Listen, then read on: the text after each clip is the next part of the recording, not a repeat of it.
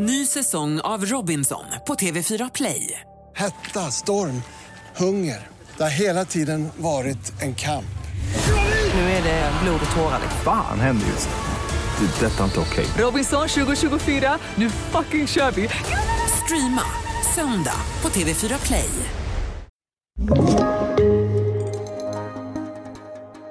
Du lyssnar på Svenskar i strid.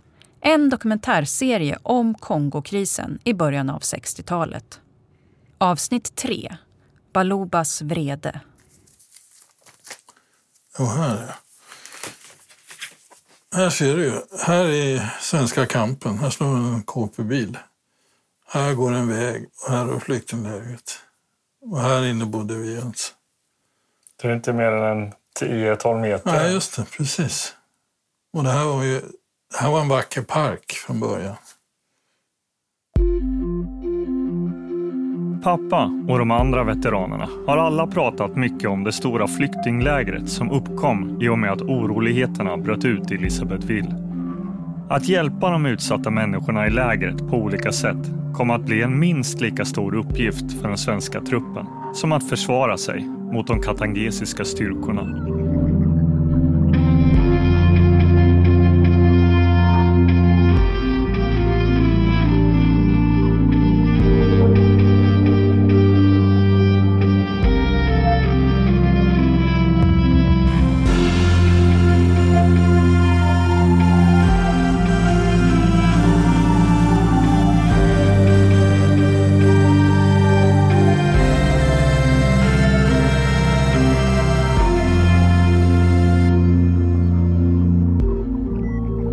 Våldet och oroligheterna trappas upp i Katanga i augusti 1961 uppstår det också snabbt kontroverser mellan de olika stammar som finns i Elisabethville. En grupp av folk som kallas för balubas blir extra hårt utsatt av den katangesiska regimen. Ernst Turdin förklarar enkelt problematiken mellan de båda parterna. De här motsättningarna som fanns i i Elisabethville till exempel, mellan Baluba och katangesen var ju väldigt uttalat. De var lite mera försigkomna baloba så att katangeserna kände sig liksom lite som tvåor där då. Det var lite enklare uttryckt. Baloba var lite smartare. Till katangesernas förtret då.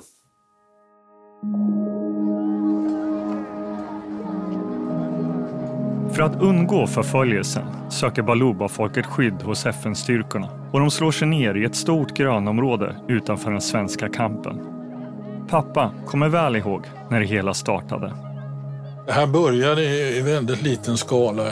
Jag minns jag stod utanför kampen och det kom några vandrande med knyten på huvudet och sånt där och ville söka skydd hos oss. Och eh, de flesta hade ju massor med barn och ja, man kunde gulla lite med, med ungar och de fick någonting när de kom och sånt där. Och det där såg ju inte ut som något större problem då, kanske första dagen, men det bara ökade och ökade fullständigt välde in folk.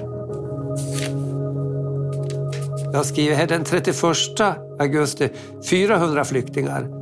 Bo Wilder visar med sina noteringar från sin anteckningsbok om hur flyktinglägret växte sig allt större och större. Den första september 2000 flyktingar.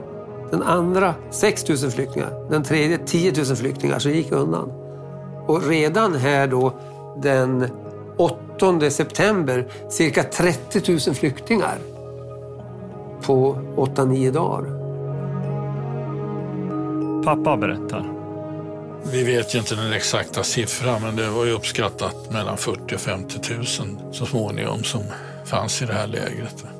Och eh, det fanns ju ingen beredskap för det här. Det, det var ju kalabalik i början så att säga. Stig Högberg, som kom ner med bataljon 14 i december 61, var själv inte med när lägret bildades. Men han minns mycket väl kaoset som rådde utanför den svenska kampen. Jag tror jag skrev hem att det var ingen sån här 4711-doft precis där. Det, var ju, det luktade så usch. I och med att det var ju bara latriner överallt, det grävda gropar och, och så leran. Och det luktade inte gott ska jag säga. Pappa berättar. Det är bara att tänka sig 40-50 000 människor hoptryckta på en plätt under sanitära bedrövliga förhållanden utan mat och så vidare. Det, det är fruktansvärt.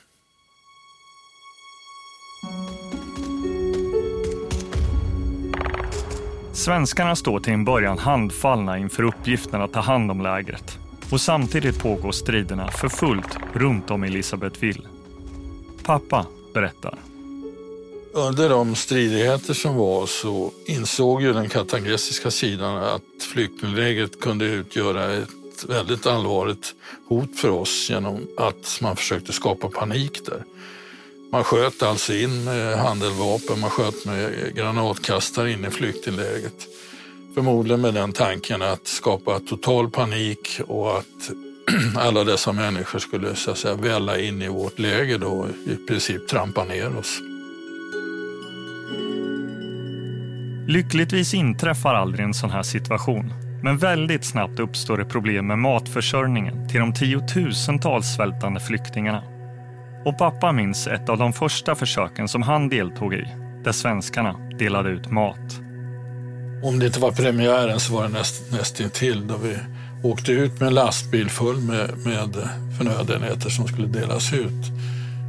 Och då hade vi ju lite naivt trott att det här delar vi ut under ordnade former, men så gick det ju inte utan när vi kom ut så var det bara att låsa dörrarna på lastbilen och sen så plockade de av allt som fanns. Och så försvann det ut till lägret. Och det var ju då man insåg att det går inte att hantera på det här viset utan för att få någon ordning på det så det låg en nedlagd järnväg alls i närheten. Där fick vi bryta upp rälsen och bygga foller som de fick gå in i. Stig berättar.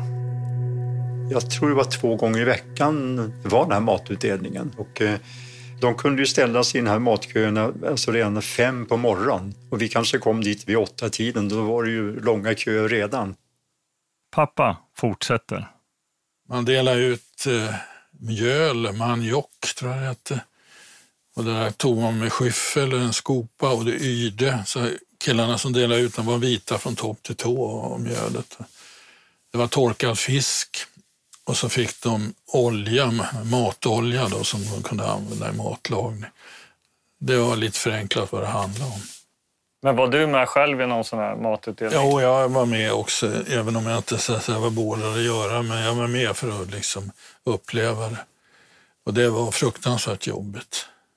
Det var en enorm press. Att från morgon till kväll, man bytte sig av naturligtvis, men, men att stå i det här, det här larmet som var, eh, tusentals människor skulle ha mat och, och oroligheter så att säga, i luften hela tiden. Det var väldigt strikt att man inte skulle fuska och smita före och, så, och sådär. Och inte heller komma flera gånger så att säga.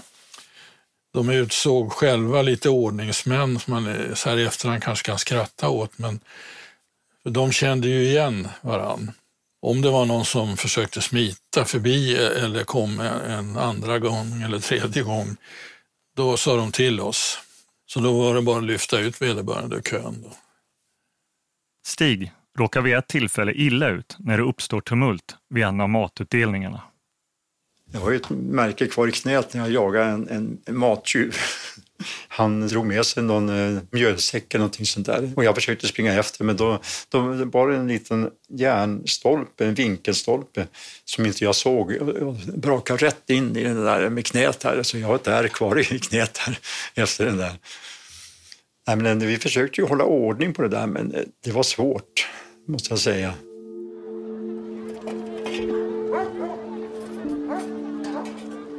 Pappa igen. En hjälp vi hade var de hundar som fanns på bataljonen. Oftast schäferhund. Och de här hade de enorm respekt för. Så att i samband med matutdelningen så hade man alltid hundförare med hund som såg till att det var ordning i köbildningen så att säga. Bosse berättar. Nu ser det ju lite illa ut på bild här när en FN-soldat med en k-pist på axeln har en hund och skrämmer flyktingar. Men det var ju för att, att utav kunna dela ut mat, som inte skulle trampa ihjäl varandra. Stig förklarar. Vi var inte våldsamma, det kan jag nog säga. Jag tycker inte vi, vi, vi med, med våra bajonetter så här och så här, så här, så här så, så vi skulle få dem att backa. Men eh, vi använde ju aldrig bajonetter att sticka med folk med utan, utan vi skrämde dem mer med dem och med hundarna. Ny säsong av Robinson på TV4 Play. Hetta, storm, hunger. Det har hela tiden varit en kamp. Nu är det blod och tårar. Fan händer just nu. Det. är Detta är inte okej. Robinson 2024, nu fucking kör vi! Streama söndag på TV4 Play. Poddtips från Podplay. I fallen jag aldrig glömmer djupdyker Hasse Aro i arbetet bakom några av Sveriges mest uppseendeväckande brottsutredningar. Går vi in med hemlig telefonavlyssning och, och då upplever vi att vi får en total förändring av hans beteende. Vad är det som händer nu? Vem är det som läcker? Och så säger han att jag är kriminell, jag har varit kriminell i hela mitt liv men att mörda ett barn, där går min gräns. Nya säsongen av Fallen jag aldrig glömmer på Podplay.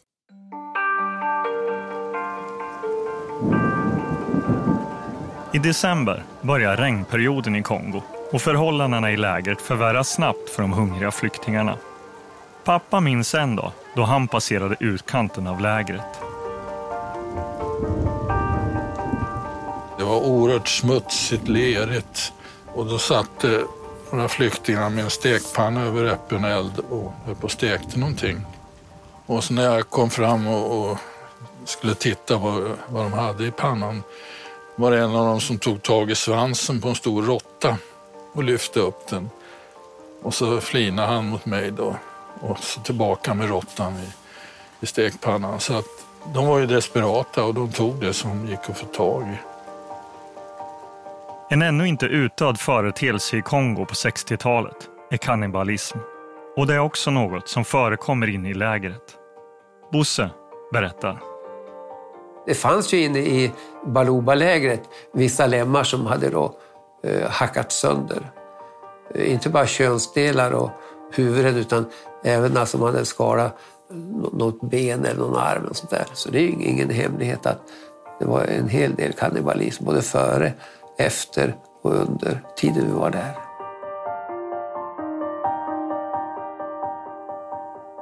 En annan mycket stor del att ta hand om för svenskarna, utöver matförsörjningen, är flyktingarnas hälsa. Med drygt 40 000 människor ihopträngda på en liten yta förekommer det givetvis många sjukdomar. Därför sätter den svenska bataljonen upp ett flyktingsjukhus för att försöka hantera problemen. Stig tillbringar mycket tid på sjukhuset och i lägret för att hjälpa Baluba-folket. Vi fick göra det, det vi kunde helt enkelt med våra eh, minimala kunskaper. Eh, jag var ju med och höll lampan på en förlossning på eh, mitt i natten exempelvis. Och vi, var, vi hjälpte till och la om sår och sånt där. Och, ja, vi, kunde, vi kunde ju sånt där. Det hade vi fått lära oss i lumpen hur man gör. Och det där hände ju väldigt mycket varje dag. Jag brukar berätta när det kom, hela familjen kom med en svårt brännskadad liten, liten pojke. Eh, ja, så här stor ungefär.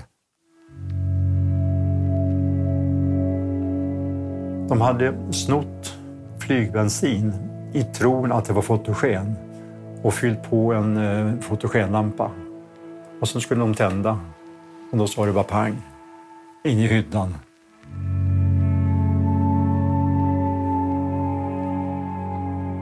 Så eh, kom de sen då springande till oss. Och jag, jag ropar upp då till, till staben. Alltså, jag sa att jag måste ha en ambulans. Ja, vi ska se. Och så eh, efter en stund så ropar jag upp igen. Ja, vi ska se om vi får tag i en ambulans. Så ropar jag upp en tredje gång. Och då frågar jag den här grabben som sitter på staben. Det här har jag aldrig sagt förut. Eh, är det svart eller vit? Och då eh, sa jag till Eh, mina kompisar nu åker vi själva. Då tar vi KP-kärran och åker till italienska sjukhuset. Så då lastade vi upp hela familjen på KP-kärran och så satt jag med den här lilla grabben i min regnrock och höll han så här. Han var ju chockad så han sa inte ett knäpp.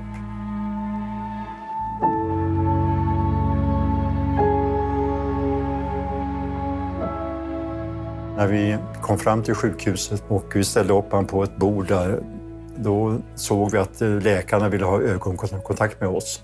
Och så skakade de bara på huvudet. Att det fanns ingenting att göra. Eh, sjukvårdaren Sören som var med, han hittade en gasbinda så han kunde linda runt den här grabben. Och de bara skakade på huvudet åt oss.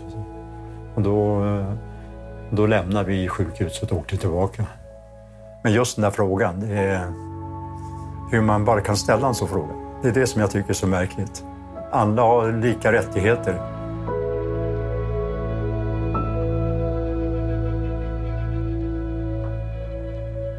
Även om de svenska FN-soldaterna försöker hjälpa flyktingarna blir de många gånger själva utsatta för fara.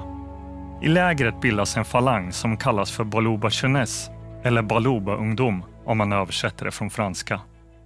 Pappa berättar.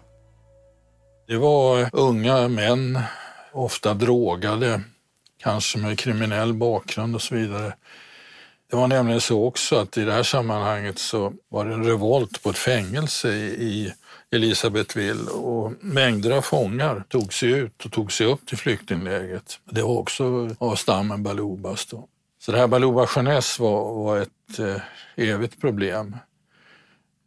Eh, de älskade att paradera utanför den svenska kampen.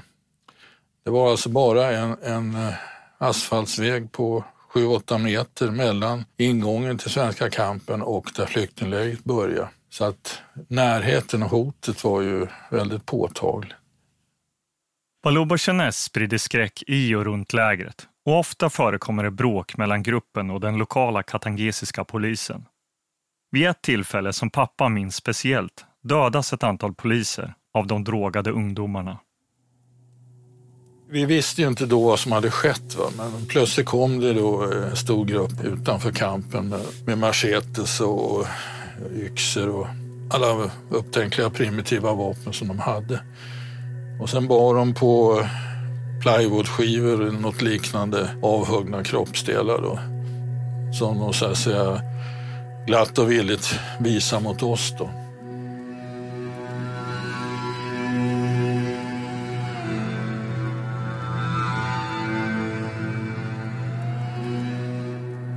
Bland så var det könsorgan som de hade huggit av de här poliserna helt enkelt. Och det hade väl någonting med deras tro att göra. Gjorde man det så tog man ifrån den döde hans styrka och överförde den till sig själv. Något sånt där primitivt tänkande. Så det, det var ju ganska ruggigt. Ja, det var också en sån här total chock hur man kunde behandla människor på det sättet. Men de hade inga spärrar och mycket beroende på då att de som sagt var missbrukare, de var drogade. Det gick inte att agera mot dem på säga, ett konventionellt sätt. De tog inte emot budskapet att de skulle sluta och dra sig tillbaka utan ofta resulterar ju sånt här i, i ja, stridigheter, skottlossning och, och så vidare. Desmond Keegan, FN-veteranen som jag träffade, minns en händelse när irländska soldater blev tvungna att ta till våld då en grupp av aluba Jeunesse bröt sig ut från flyktinglägret och skapade tumult. A group of refugees, Jean, uh, um, Jeunesse movement, drugged to the eyeballs, broke out the camp, and they went on the rampage in Elizabethville. And by all accounts, they beheaded up to 10 of the local policemen. The local police lost control of it, and we were turned out, the Irish were turned out to herd them back into camp. And we sent two armoured cars and platoon of soldiers, and we were herding them back into the camp. En större grupp med irländska FN-soldater beordras att ta hand om de våldsamma och drogade ungdomarna som precis har halshuggit tio lokala polismän. Men de tänker inte ge upp så lätt och plötsligt går en av dem till anfall med en machete. One fella uh, ran at our squadron sergeant uh, with a machete. And when he finished firing, he had three rounds left in the magazine out of 36. And when he counted the bullet holes in the fella, there was 27 bullet holes in him before it stopped him. Under de otaliga sammanstötningarna med Baluba Jeunesse och FN-soldater finns det även svenskar som råkar illa ut. Det som händer furiren Per Martinsson från Göteborg den 5 oktober 1961 är kanske det mest anmärkningsvärda. I boken FN-soldat i Kongo, som är en artikelsamling med ögonvittnesskildringar från svenskarnas tid i Kongo, skriver han själv om händelsen. Och jag var i min jeep på väg till underbefälsmässen för att äta middag när jag hejdades av två främmande civila tjänstemän, troligtvis från Röda Korset. De hade just kommit till Kongo och ville gärna se Baluba-lägret. Så jag tog med dem i jeepen, och körde in i lägret några hundra meter, stannade, klev ur, gick 20-30 meter för att bättre kunna peka ut området. Och de satt hela tiden kvar i jeepen som stod vänd inåt Baluba-lägret. Därifrån kom det då en annan jeep och efter den ett drygt hundratal meter rusade en skock Balubas. Eftersom Balubas var våra vänner och tidigare inte visat sig aggressiva mot FN stod jag lugnt kvar. Men när jag sen vände mig om för att tala med de båda civila i min jeep så såg jag till min förvåning att de hade försvunnit med jeepen. Först då förstod jag faran och började springa mot kampen eh, cirka 400 meter längre bort. Men efter 50 meter så var Balubas ifatt mig. Sen vet jag inte vad som hände. Martinsson blir slagen till marken och svårt misshandlad av en stor grupp med Baluba Chenes som använde sina egentillverkade vapen. Pappa berättar. De var beväpnade med trepåkar där man hade satt fast cykelkedjor och det använde de som vapen mot honom. Och det Ja, det var grymt så han såg ut efteråt. Jag, jag, såg honom inte i verkligheten, men jag såg foton på det efteråt. Det, han var totalt sönderslagen. Och eh, allt sånt här ovanpå så att säga stridigheterna, det var en enorm stresssituation. Och vi var ju för få helt enkelt. Det var alltså 450 soldater då, som skulle hantera krig inom citationstecken och flyktingläger på 40-50 000 människor. Jag tror inte man riktigt fattar det där inom eh, organisationerna, FN uppåt så att säga till en början, vilket enormt problem det här var. Och eh, andra enheter ville inte vara inblandade i det här. Jag minns till exempel att det diskuterades om indiska styrkor skulle ta över bevakningen och flyktinglägret, men de backade på det helt och hållet. De ville inte så att säga ta på sig det. Så att det blev svenskarna som fick hålla på med det här ifrån september och fram till det avvecklades en bra bit på 19, in på 1962. Under sommaren 1962 skickas flyktingarna hem till de olika provinser de kommer ifrån runt om i Kongo. Och en mödosam uppgift för den svenska FN-truppen är över. Men för att avrunda denna episod som har innehållit många dystra och tunga berättelser med något mer positivt vill jag låta irländaren Desmond Keegan avsluta med en historia där både FN-soldater och flyktingar umgicks tillsammans som vänner. Myself and two other soldiers one night, we heard a sing song going on in the refugee camp and we said, mm, let's go in. So we went in and we joined uh, about, I don't know, 10 or 15 male refugees, obviously. And did, this was early days in the camp, so we were still supplying them with rice and maize and dried fish. They were sharing the food with us, dried fish and uh, maize, and we scooped the maize up and, you know, having a great time. Desmond och hans vänner sluter sent en kväll upp med några flyktingar som sitter och sjunger in i lägret. Gruppen bjuder på ris, majs och torkad fisk och snart blir det Desmonds tur att ta ton. I'm a very bad singer, but everyone had to sing. And I always remember Harry Belafonte, he was a black singer. And there was a song all the time, the Banana Boat song. And I started singing it for a crowd of black fellas. yeah, you know, it was, it was, just, but then, you know, that was life. And we, we didn't leave the camp on about maybe two o'clock in the morning. So there were good times and bad times now, you know. And you'd more, you'd, you'd more good times than bad times. Uh, you know, soldiering is it's 95% boredom and 5% panic. You know, painting stuff and doing stuff and next thing, you know, that, that's kind of the way it goes.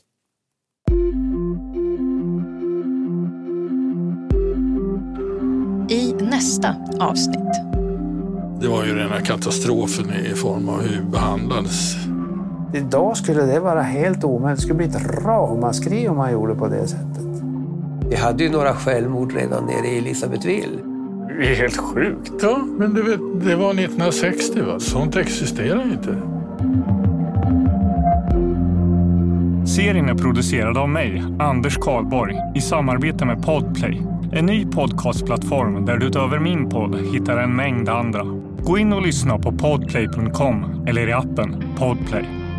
Övriga röster i serien är Veronica Martinsson och Mattias Lindeblad.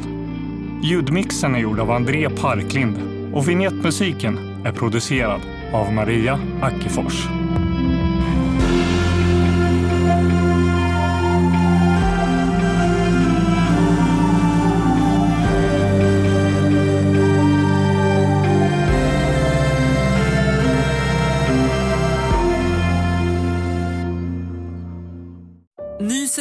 Av Robinson på TV4 Play.